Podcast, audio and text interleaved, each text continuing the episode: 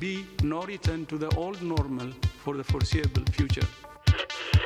Der er ingen grund til at hamstre hverken eller toiletpapir.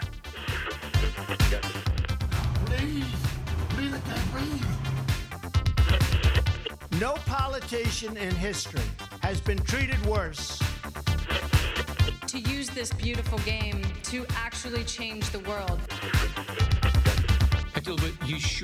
поблагодарить всех, кто сделал свой ответственный выбор. We will succeed, and that success will belong to every one of us.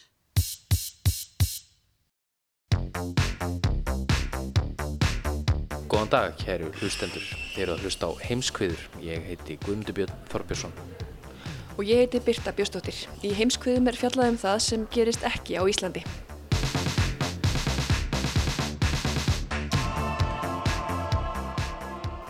Ný vika, nýr þáttur, nýtt kaffihús og nýjar fréttir til að fjallum.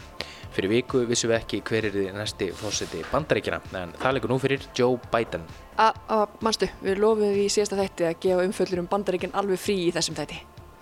Já, það er rétt. Svo við ætlum ekki að fjalla um bladamannafundin á Four Seasons Total Landscaping. Ekki heldur, eða allavega ekki núna. Og ekki um kröfu fráfærandi bandaríkjafósita um endurtalningu og mjög tíðar yfirlýsingar hans á samfélagsmiðlum um kostingarsvindl. Neip, ekki þessum þætti og heldur ekki þá staðrinda í fyrsta sinni sögunni verður kona varafósiti bandaríkjana. Og hvað ætlum við þá að fjalla? Já, það sé lítið að hverju. Þegar COVID og fósitakostningar í bandaríkjanum yfirtaka alla fréttatíma dögum og vikum saman þá eru önnur mál og aðrar sögur sem eiga til að gleymast á meðan. Í dag ætlum við meðal annars að huga að sjálfstæðisbaráttu skota og einnig stöðu úígúra í Kína. Það eru ekki bandaríkin. Á hvoru eigum við að byrja? Við skulum byrja í Kína. Þarlend stjórnvöldur sökuðum að reyna að eigða menningu úígúra og að hafa í því skyni lokað eina miljón manns inni í fangabúðum. Þar er fólk neitt til að láta af trúsinni, læra að tala kínversku og er refsað fyrir eignast mörg börn. Þá eru dæmi um að eftir vistina sé fólk sendt í þrælkunarvinnu í verksmiði. Dagný Hulda Erlendsdóttir tekur nú við.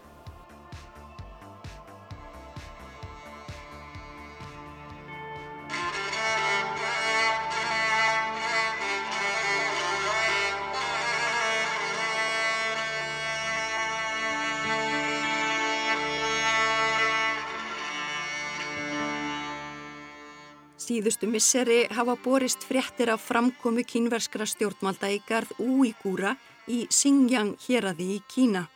Samkvæmt saminuðu þjóðunum og mannrettindasamtökum ætla kínversk stjórnvald að breyta Úígúrum og gera þá líkar í kínverjum. Mannrettindasérfræðingar kalla þetta líðfræðilegt þjóðarmorð. Það er ekki verið að drepa fjölda fólks með köldu blóði heldur verði stefnan vera að úígúrar hætti að tala tungumál sitt og fari að tala kínversku eins og meiri hluti kínverja, að þeir hætti að yfka trú sína sem er Íslam og síðast en ekki síst að koma böndum á barnegnir þeirra. Talið er að um einni miljón mannsi haldið föngnum í þessu skíni á stöðum sem kínversk stjórnvöld kalla endurmentunarbúðir og starfræktar eru meðal annars með það að markmiði að stemma stígu við hættu á hriðjuverkum, minka fátækt og auka einingu meðal kínverja. Mannrittinda samtök og reynda ríkistjórnin margra ríkja kalla búðirnar þó ekkert annað en fangelsi án dóms og laga.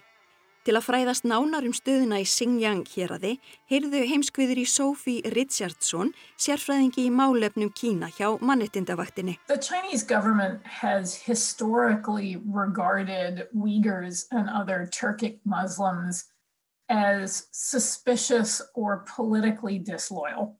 And, you know, that plays out through restrictions on religion. Most Uyghurs are Muslims, uh, restrictions on language, on culture, uh, on movement, uh, and most recently, against a backdrop of hardening government policies on human rights across the board, but towards Xinjiang in particular, uh, where Chinese authorities claim they have concerns about terrorism. Richardson segir að kínversk stjórnvöld hafi í gegnum árin verið tortrykkin í garð úígúra og annara muslima. Það fólk þykji ekki hliðholt stjórnvöldum.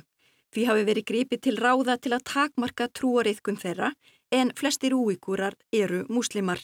Þeir eigi ekki að tala tungumól sitt og það séu takmarkanir á ferðafrelsiðra. Síðustu ár hafi mannrettindabrotin aukist í nafni varna gegn hriðjuverkum. We've watched the authorities arbitrarily detain approximately a million Uyghurs simply on the basis of their ethnicity and their religion, not because they are alleged to have committed any sorts of crimes. Stjórnvöld hafi af eigin gethóta fangelsaðum eina miljón manns vegna uppbruna og trúar en ekki vegna þess að fólk sé grunaður má hafa framið einhverja glæpi, segir Richardson.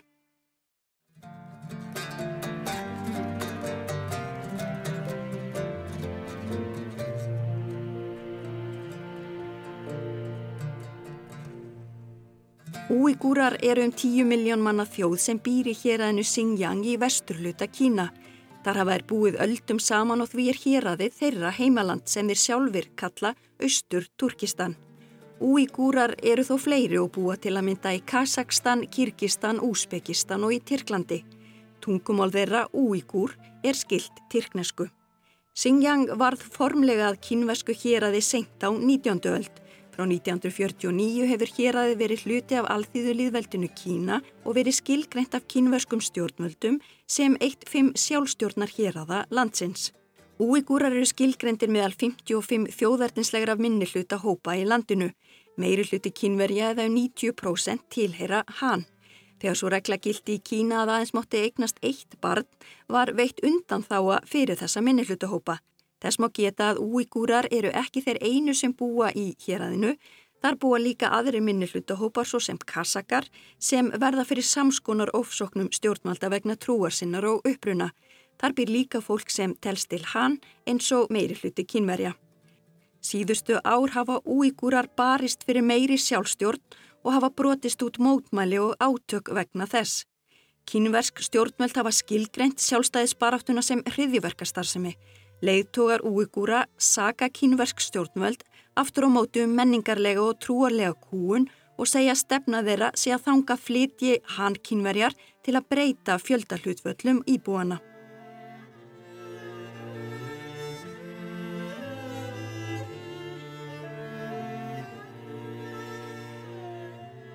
It is clear that there are gross uh, egregious human rights abuses are going going on. So we're working with our international partners on this, and it is uh, deeply, deeply troubling. Forced sterilisation to the education camps uh, are reminiscent of something we have not seen uh, for a long, long time. Mm. And this is from a leading member of the international community that wants to be taken seriously. Þetta var Dominic Rapp, utanrikkisráð þeirra Breitlands í sjómarsviðtali 19. júli. Þar sagðan að það væru framinn hrópandi svífyrðileg mannreittindabrót í Xinjiang og að bresk stjórnvöld væri að vinnað viðbröðum með öðrum ríkjum. Hann lísti yfir miklum áhyggjum á stöðunni, allt frá því að konur væru neittar í ófrásimisaðgerðir til þess að fólk væri læst inni í endurmentunarbúðum. Slíkt hefði ekki sérst árum saman og það í ríki sem var í leiðandi á alþjóðavísu og vildi láta taka sig alvarlega. Kínverski sendiherran í Breitlandi, Liu Xiaoming, kom í viðtal sama dag til Andrew Marr hjá Breska ríkisjónvarpinu BBC og hvaðst ekki kannast við neinn mannrettindabróta þessu tægi. Marr síndunum loftmyndir af fangabúðunum og fólki með bundið fyrir augun.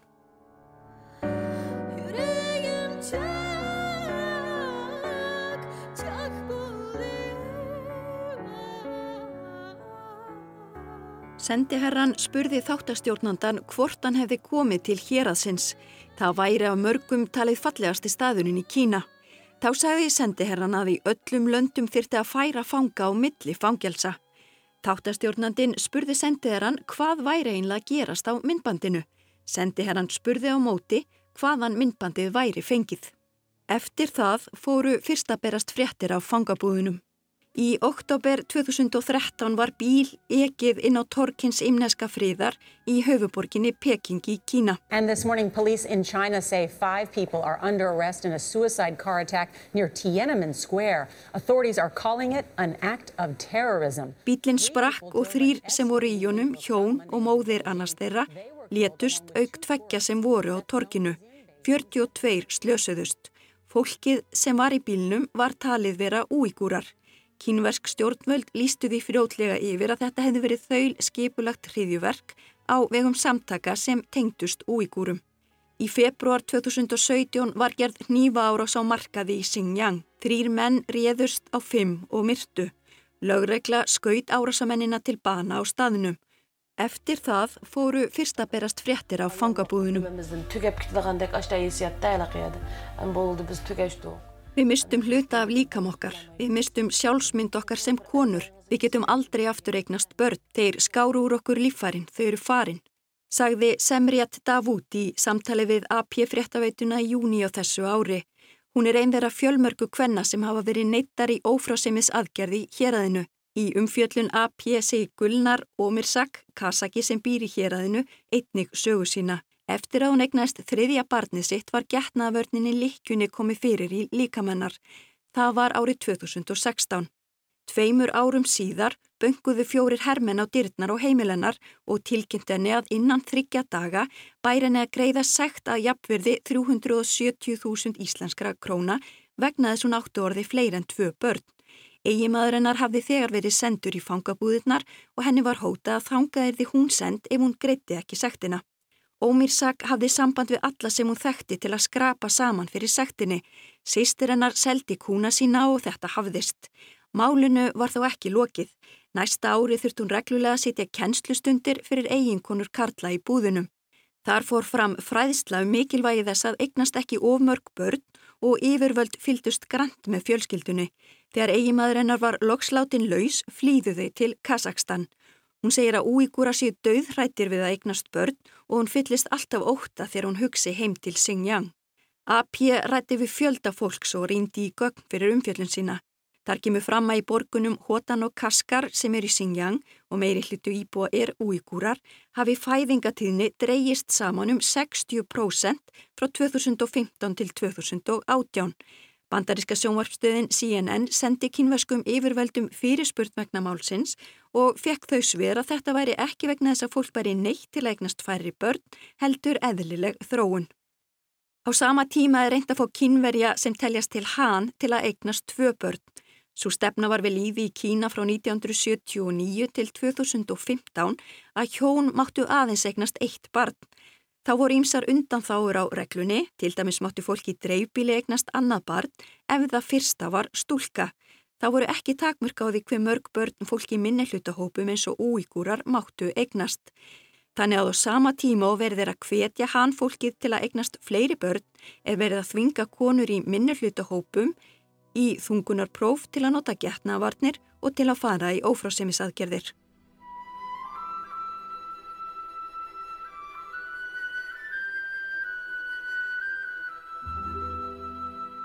Talið er að þær séu mörgundru þúsund konurnar sem hafa lent í svo grimmilegum inngripum stjórnvalda. Algengasta ástæða þess að fólk er sendt í búðirnar er svo að það á of mörg börn og heist af að frásagnir að því að hermenn gangi hús úr húsi að leita barna. Í fangabúðunum er fólk vistað gegn vilja sínum. Það er handjárnað, sefur alltaf tíu saman í litlum klefum. Það er ekki bara konurna sem er efsað vegna óhaflegra barnegna samkvæmt viðmiðum kynverska ríkisins. Feðurnir eru líka vistaðir í búðunum. Eitt þeirra er Absu Túkur Úmar sem var meðal þeirra fyrstu sem var varpað ángað inn. Hann á sjö börn sem hann er stoltur af og lítur á sem Guðskjöf. Fyrst var hann sendur í búðirnar en svo dæmdur til sjö ára fangelsisvistar eitt ár fyrir hvert barn. I think it's maybe hard for people who live in democracies to even understand that in China, Chinese authorities are detaining Uyghurs without any sort of legal process. So it's not the case that you are presented with a warrant or you are taken to court or you can contest the charges against you. There aren't even clear charges against people. They are simply taken from their homes or their workplaces to these facilities where they're kept for days or weeks or months until they have convinced the guards there that they are sufficiently politically loyal and have rejected their Uyghur identity to be released. Richardson segir að líklega sé erfitt fyrir fólk í líðræðisríkjum að gera sér í hugalund hvernig staðan er í Kína. Fólk sé fangelsað án dóms og laga Því séu ekki gefnar beinar skýringar, fólk sé flutt af heimili sínu eða áru vinnu og í fangabúðunar. Þar sé því haldið í daga, vikur og jafnvel mánuði þanga til því teksta sannfæra verðina um að það ætli að hlýða yfirvöldum og hafi afsalað sér sjálfsmynd sinni sem úígúrar. En hvað verður um börnin þegar foreldrarnir eru læstir inn í svokölluðum endurmentunar búðum? Oftar en ekki er þau vistuð í svipuðum búðum fyrir börn. Það er þeim skilt að tala kínversku en ekki sitt eigið tungumál. Talið er að þúsundir barna séu þar inni. Breska ríkisjónvarpið tók 60 viðtöl við úíkúra í Tyrklandi sem hafðu mist börn sín á slík munaðarleysingja heimili. Do you have any idea who is looking after your children now? Ballarını bir hüsebkat ballar yaslisini amediki daraltam gapket gelikini anlamak. Þarna sagði móðir fréttamanni Breska ríkisútvarpsins að hún telda börnin hennar væru og munaðarleysingja heimili í Kína. BBC rætti einni við Abdurrahman Toti sem hefur ekki séð börn sín í þrjú ár eða síðan eiginkonans fór frá Tyrklandi til Kína með börnin í heimsók til ömmu og afa. Síðan hefur ekkert til þeirra spurst. Það var svo þessu ári sem hann sá myndband af ungum síni sínum á netinu. Hann virtist vera á muna að lesa ekki heimil og talaði ekki úigur tungumálið heldur kínversku. Hann segi til naps og hveðst vera fjögur ára. Hvað er það? 么名字啊？几岁了？祖国的名字叫什么？ Þá var barnið spurt hvert var í nafnið á heimalandi hans og drengurinn svaraði alþýðu líðveldið Kína.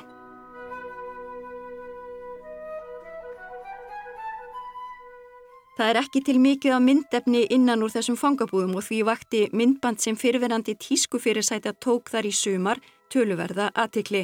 Merdan Gappar er úígúri sem hafi gert það gott í borginni Fossan í söður Kína síðustu ár sem fyrirsæta fyrir þarlend tískumerki. Hann eins og aðrir úígúrar varð fyrir óréttlæti. Til að mynda gata hann ekki skráð íbúð sem hann keipti sér á sitt nafn. Hann þurfti því að skrá hann á nafn vinar síns. Árið 2018 var Gappar handtekinn og gefið að sög að selja kannabis. Hann fikk 16 mánuða dóm. Fjölskyldan hans tilur þó að sakirnar hafi ekki verið á rökum reistar. Þegar honum var sleppt úr haldi var hann ekki frjáls lengi því að mánuði síðar bönguðu lauruklumenn upp á heimili hans í borginni Fossan, fjarrri Singjang héræði og tilkynntunum að hann ætti að snúa heim og ganga frá pappirum á lauruklustöðinni. Tveir lauruklumenn fylgdu honum í flugvél til heimaborgarinnar Kusja í Singjang. Þegar þanga kom var hann settur í fangelsi og svo í fangabúðir án, dóms og laga. Honum tókst að taka síman með sér þangaðinn og tók upp myndband sem hann sendi fjölskyldu sinni. Hann heldur á símanu með hægri hendi og myndbandinu sést að vinstri höndin er handjórnum við rúm. Hann er fölur að sjá og í skítugum fötum.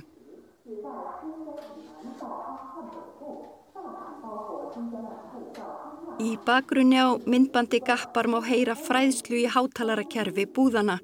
Það segir að Xinjiang hér að hafi aldrei verið kallað austur Turkistan. Fjölskyldanans ákvaða að gera myndbandið opinbert til að varpa ljósi á stöðu hans og annara úígúra. Þau hafa ekki hirt frá honum síðan. Frændan sem býr í Hollandi hafði gert sér vonur um að áhrifin af því að sína umheiminum myndbandið yrðu svipuð og af myndbandinu sem sínir lögreglu í bandaríkunum verða George Floyd að bana. Þúsundir mótmælti lögreglu óbeldi um öll bandaríkin eftir að myndbandið var byrt. Frændin segir að viðbröðin við myndbandi gappar hafi verið vonbreyði, varla neitt nema þögnin einn. En hvað gerist eftir að fólk er búið að afplána tíma í fangabúðum stjórnvalda? Now we know that uh, there are some transfers of people from political education camps into uh, forced labor. We know that there are some transfers into the regular prison system. But even people who have ostensibly been freed are not really free to live as they want to. They can it's a it's a region that's awash in heavy security presence, uh, pervasive surveillance, and a lot of restrictions on communication. So there really isn't any such thing as living freely for Uyghurs in Xinjiang now. Það fá ekki allir að snúa heim eftir vistina í fangabúðunum. Richardson segir dæmi um að fólk hafi verið sendt í þrælkunavinnu og í fangelsi. Jafnvel þó að fólk sé látið laust þá er það ekki frjálst, segir hún. Mikið lögjasla er í héræðinu og eftirlit með fólki og hömlur á samskiptum. Það sé því engin í raun frjáls, segir hún.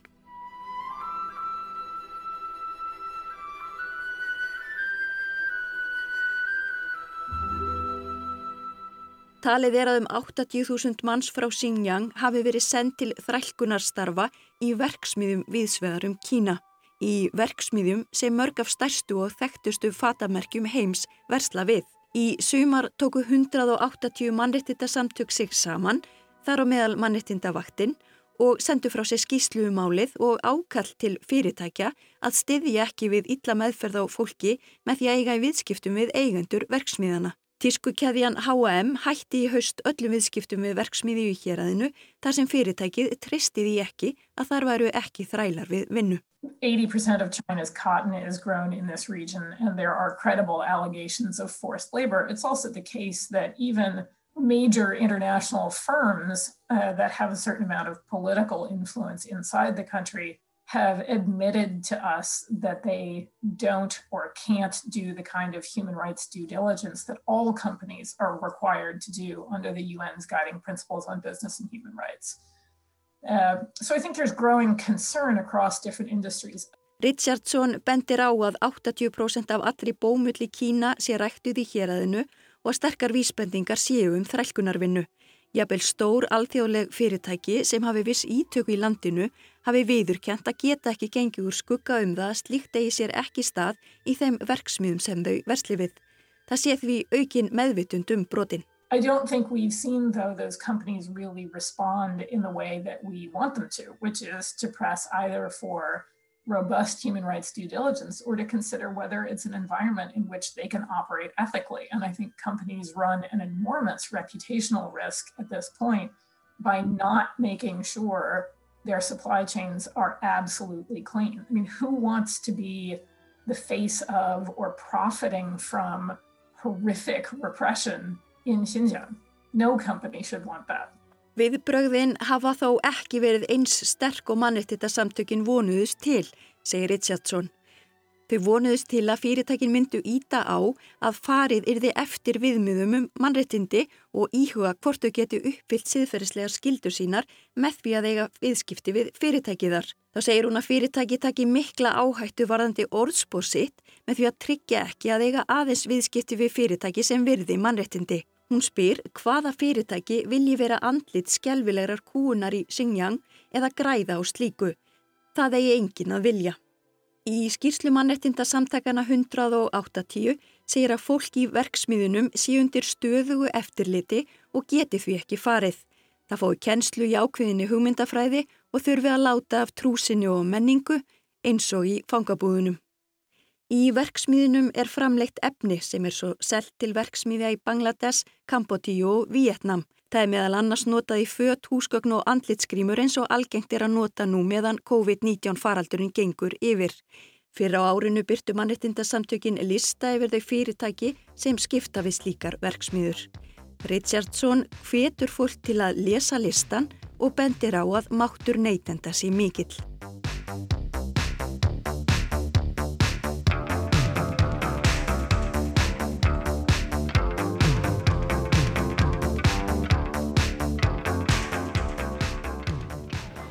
Nú er árið 2020 ekki alveg búið en sum eru þó farin að huga því sem upp úr stendur eftir árið.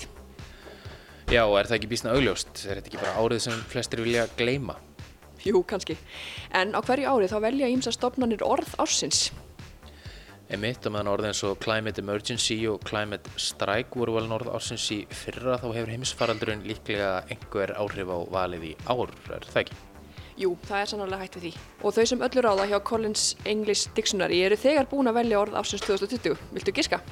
Já, er það ekki koronavera?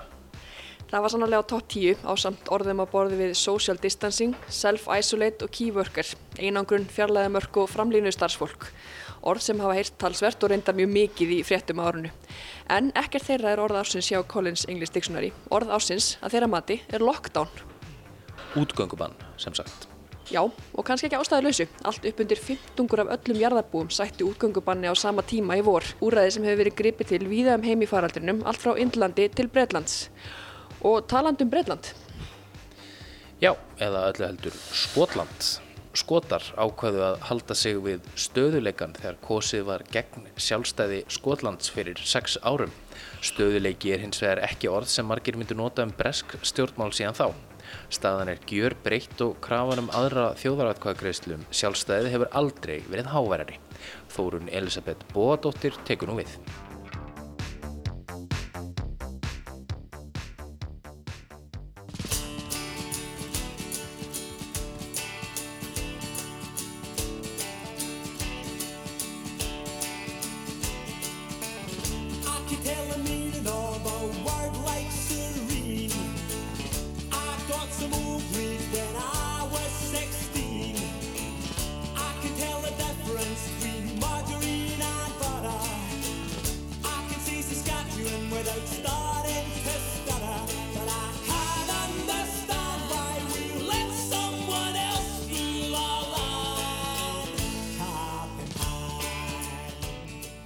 Sex ár eru liðin frá því að skotar kusu um það hvort þeir vildu gerast sjálfstætt ríki og slíta sig frá Stóra Breitlandi. Neiðurstaðan var nokkuð afgerandi þá. Skotar vildu ekki sjálfstæði. It's shy being Scottish! But the law is to the law! The scum of the fucking earth!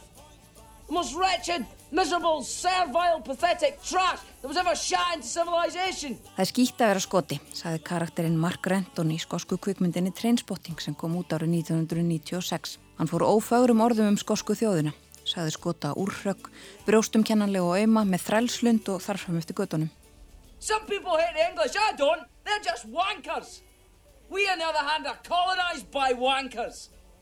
Can't even find a decent culture to be colonised by. We're ruled by effete assholes. It's a shite state of affairs to be in, Tommy, and all the fresh air in the world won't make any fucking difference. Renton helt áfram. Sumir hætta englendinga, en ekki ég. Þeir eru bara astnar. Astnar er reyndar talsvert kurtisislegra orð en hann notaði. Englendingar eru bara astnar, en við erum nýlenda þessara astna. Gátum ekki einu svona verið nýlenda einhverjar almennilegar menningar. Okkur er stjórnaða veiklulegum hálfitum og þetta er ömulegt ástand.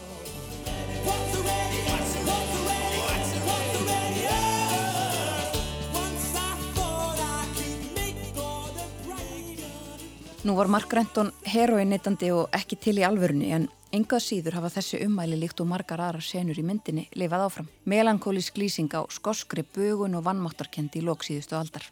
Síðan þetta var hefur margt breyst, einlega bara gjörbreyst, í stjórnmálum og samfélaginu en ekki síst þegar að kemur að sjálfsmynd þjóðurinnar. Trainspotting kom út árið 1996, aðeins ári síðar, 97, kusu skotar með yfirgnæfandi meirulhuta með því að öðlast aukna sjálfstjórn og árið 1999 var skoska þingið, Holyrood í Edinborg, emdurist eftir tæplega 300 ára hlýja. Þetta þýtti að skotar fengu ákvörðunar rétt yfir ymsum málum, mentamálum og ymsum velferðamálum til dæmis og þeir eiga sína eigin ríkistjórn og fyrsta ráþara. This has been the culmination of 200 years of the Scottish people wanting to, if, if you like, express and develop their own identity and now at last we've got the opportunity to do it. Með þjóðaratkvæðagreislinu kom fram 200 ára vilji skosku þjóðurinnar til að þróa sína eigin sjálfsmynd, sagði eitt kjósandinn árið 97. Frá árunni 2011 hefur skoski þjóðarflokkurinn, SNP, verið með meiruluta í Holyrood og í nokkur ár þar á undan var hann í minnulutastjórn. Allan þann tíma hefur flokkurinn haft sjálfstæði Skotlands á stefnuskráni með einu með öðrum hætti. Það var svo árið 2013 sem tilkynnt var að ári síðar er þið kosið um sjálfstæði Skotlands í þjóðuratkvæðagreyslu. Í hönd fór hörð kostningaborta. Þjóðin skiptist í fylkingar með og á móti, já og nei. Það má eiginlega segja að það hefði allt verið undir í þessum kostningum. Efnahagsmál, gjaldmiðlin, orkumál, heilbriðismál, mentakerfið, kjarnorkuvopn og varnarmál, Allandshafsbandalægið, Evrópusambandið, sjálfsmyndin og stoltið og líðræðishalli. Það er viðvarandi í Skotlandi að fólki finnist stjórnvöld í Lundunum ekki hafa sig í huga og ekki bera hagsmunni Skotlands fyrir brjósti. Frá upphafi var á brattan að sækja hjá sjálfstæðisinu. Meira hluti Skota sagðist ekki vilja sjálfstæði. Það dróð þó verulega saman með fylkingunum eftir því sem kostningarna nálguðust og það fórum sambandsinna undir lokin en það var stemningin með í ásinu. In response to the referendum question, should Scotland be an independent country, we're in favour of no. Það var kosið í september 2014. Á endanum var þetta ekkert sérstaklega tæft. Það munaði 400.000 atkvæðum. Rífilega 55% sjóðu nei við sjálfstæði en tæplega 45% sjóðu já. Kjörsóknin var 85% sem telst hátt hlutfalla á flesta mælikvarða. Og í Skotlandi ekki síst, þar hafa um 50-60% kosið í þingkostningum undarfæran ár. And Scotland has by majority decided not at this stage to become an independent country. I, I accept that verdict of the people and I call on all of Scotland to follow suit in accepting the democratic verdict of the people of Scotland. Leðtóðar skoska þjóðaflokksins sögðu strax að taka erði líðræðislegum vilja fólksins. Þarna hýrðum við í Alex Salmond sem þá var leðtói og fyrstir á þeirra en sagði af sér skömmu eftir atkvæðagriðsluna. Sankant könnun sem gerð var á því hverjar helstu ástæðunar fyrir vali kjósenda væru sögðu þau sem kusu gegn sjálfstæðinu flest að sterlingspundið væri einn helsta ástæðin. Hræðsla við að Skotland geti ekki staðið á eigin fótum efnagslega vóð þung. Með því að halda stóra Breitlandi í einu lægi áttu skotar að geta verið vissur um stöðuleika.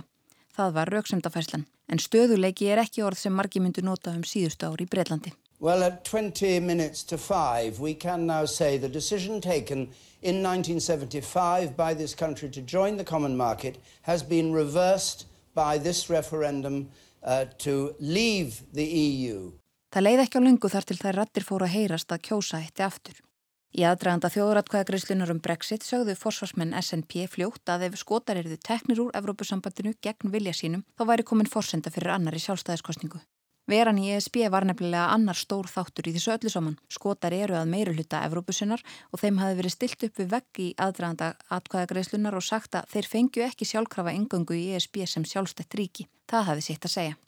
Kosið var um útgöngu Breitlands úr ESB árið 2016, innan við tveimur árum eftir sjálfstæðiskostninguna. 62% skota vildu halda áfram í Evrópusambandinu. Það breytti þó engu um það að naumur meiri hluti heildar þáttakenda vildi út og út er Breitland farið, þó ensi verða semja um framtíðarsambandið. Brexit and the way in which Brexit is being implemented immeasurably strengthens the case for Scotland becoming an independent country with the ability to shape our own destiny and contribute positively to Europe and the world. Með ákvörðunum útgangu var sjálfstæði Skotlands aftur komið rækilega á dagskrá og síðustu ár hefur Nikola Sturgeon, leðtögi skoska þjóðarflokksins og fyrstir á þeirra, íðulega talað um aðra atkvæðagreyslu og óskað formlega eftir henni. Þjóðarflokkurinn var búin að setja málið formlega á dagskrá og ætlaði sér að láta kjósa á nýja á þessu ári en ekki var langt liðið á árið þegar að tilkynnt var að slíka áform væru algjörlega komin á ís. Ástæðan var auðvitað korunuveiran.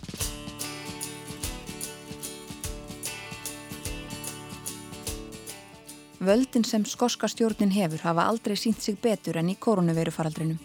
Hún hefur getað tekið ímsar ákvarðanir í helbriðis og mentamálum og gert ímislegt öðruvísi en stjórnin í Lundunum. Sömu leiðis hefur aldrei verið skýrara hvaða takmörkuru á því sem skotar ráða.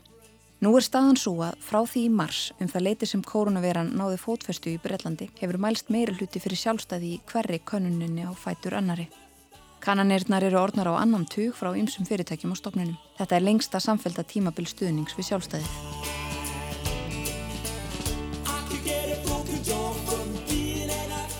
Einn nýjasta kannunin kemur frá Yps og Smóri. Hún sýnir ekki bara meira hluta fyrir sjálfstæði, heldur stærra hlutfall heldur en nokkur sinni áður hefur mælst. 58% sögðust myndu segja já ef það var í kosið um sjálfstæði í dag og 42% nei. Uh, but I don't think it's probably high. I do think that's an accurate read on what the electorate is, is thinking at the moment. Þetta eru háar tölur en ekki ólíklegar, sagði Elsa Henderson, professor í stjórnmálafræði við Edinborgarháskóla í hlaðvarpi Ipsos Mori. En þeim verður samt að taka með fyrirvara. But the, but the caveat on that is that we're still very much in hypothetical territory and we know that individuals the way they answer hypothetical questions about democratic contests that might happen in a year or five years isn't necessarily how they end up voting. And I think that figure... Henderson telur að fólk sé að láti ljós á hana í sína með stjórnvöld í Breitlandi, með Boris, með Brexit og koronaviruna. Dissatisfaction with the UK government.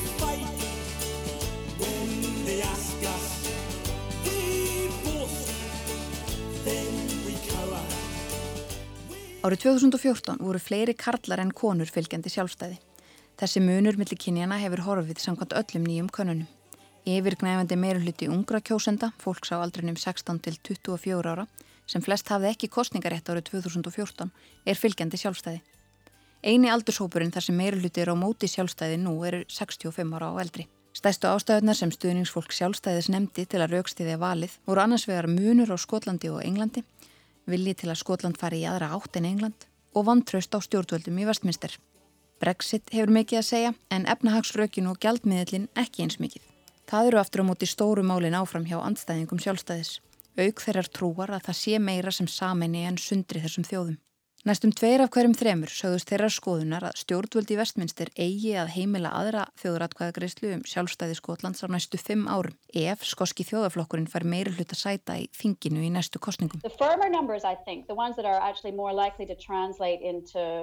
at the, at the the, the voting intention figures for, um, for 2021 and I think those are equally remarkable. You've got a a 40 point lead on constituency vote between the SNP and the, the second place.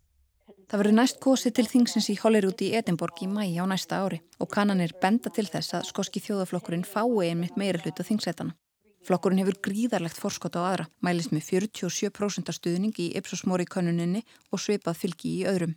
Næsti flokkur er íhaldsflokkurinn, stjórnarflokkurinn í vestminster, en 19% skota sögðust alltaf kjósa hann. Skoski verkamannaflokkurinn mælist með einungis 13% fylgi í þessari konun en er á sveiputum slóðum og íhaldsmenn í öðrum. Aðrir flokkar fengi minna.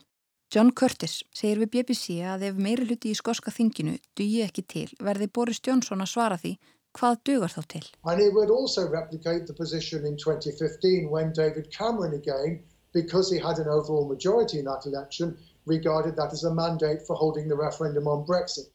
Fordæminn séu til staðar. Þetta hafi dögað David Cameron til að telja skota eiga rétt á fyrstu þjóðaratkvæðagreislunni og sömu leiðis hafi þetta verið réttlæting hans fyrir Brexit-atkvæðagreislunni. If that isn't adequate evidence that a referendum should be held, then what would be? Because of course what would be true is that such an outcome would replicate the outcome in 2011 which for David Cameron was sufficient evidence that uh, the SNP had the moral right to hold a referendum on independence.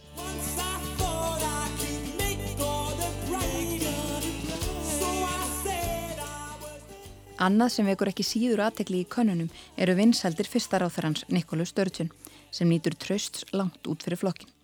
Hún tók við stjórnartömunum í skoska þjóðaflokknum eftir að hann beigð ósugur í þjóðaratkvæðagriðslinni hösti 2014. Hún hefur nú verið við stjórnvölinn í Skotlandi í sex ár. Æðstu embættismenn geta ekki endilega búist við því að störfin baki þeim miklar vinsældir en Störtjón glýmir ekki við neyn slík vandamál þessa dagana. 72% aðspurðra eru ánað með hennar störf sem fyrstir á þeirra.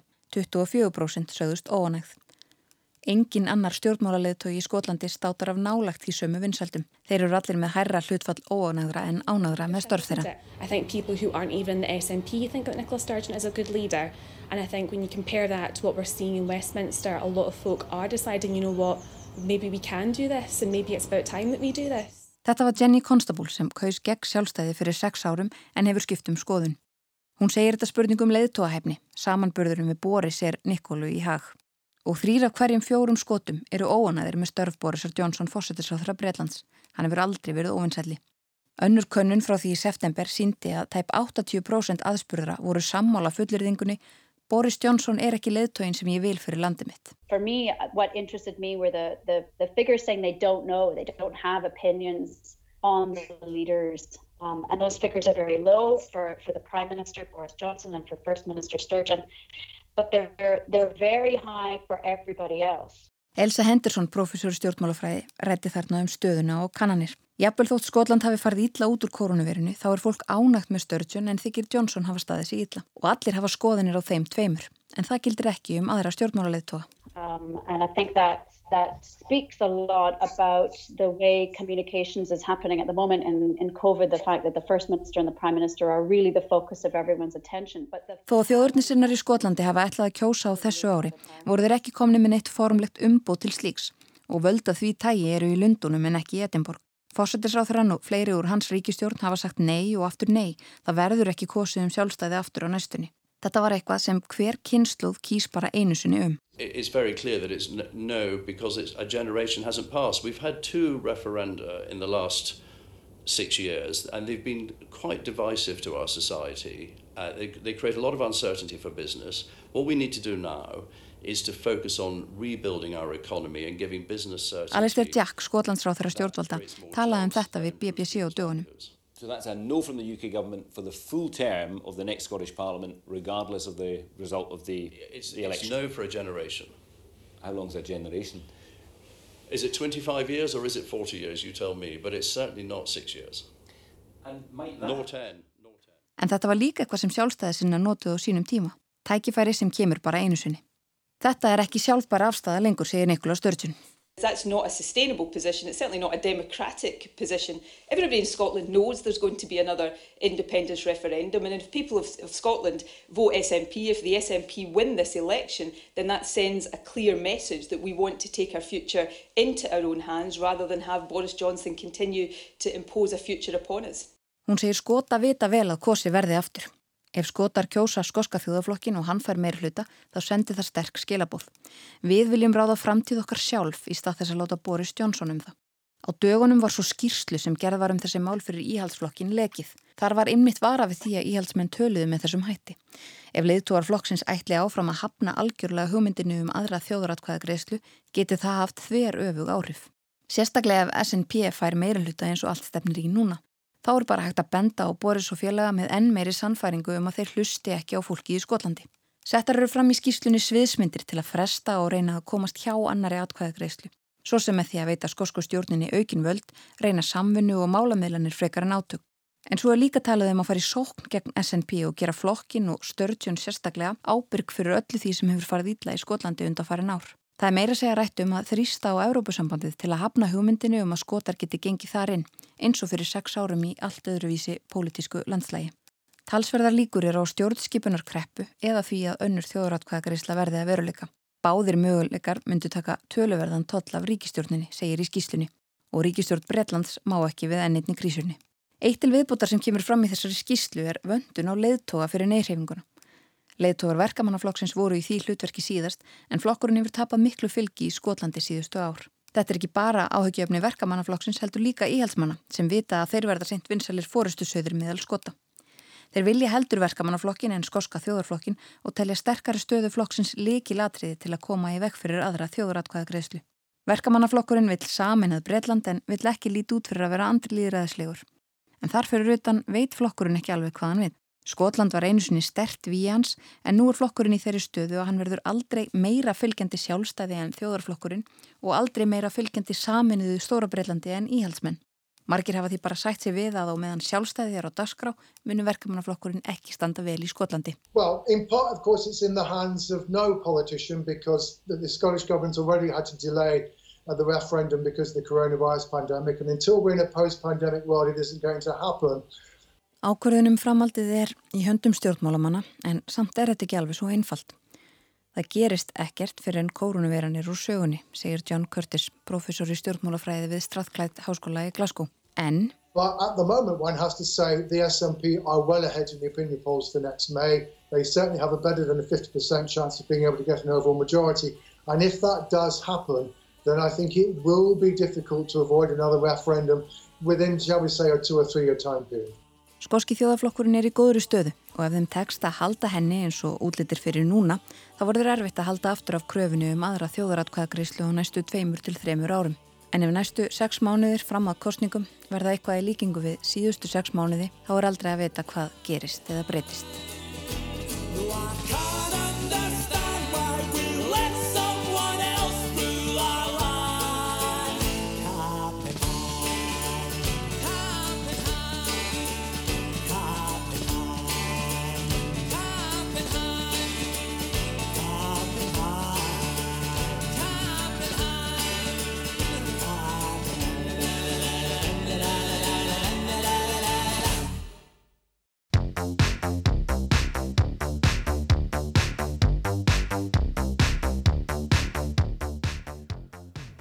Nú fyrir að síga á setni hluta þáttarins, Birta, ertu búin að ákvæða hvað þú ætlar að gera um helgina? Já, reyndar og það fyrir mjög löngu síðan.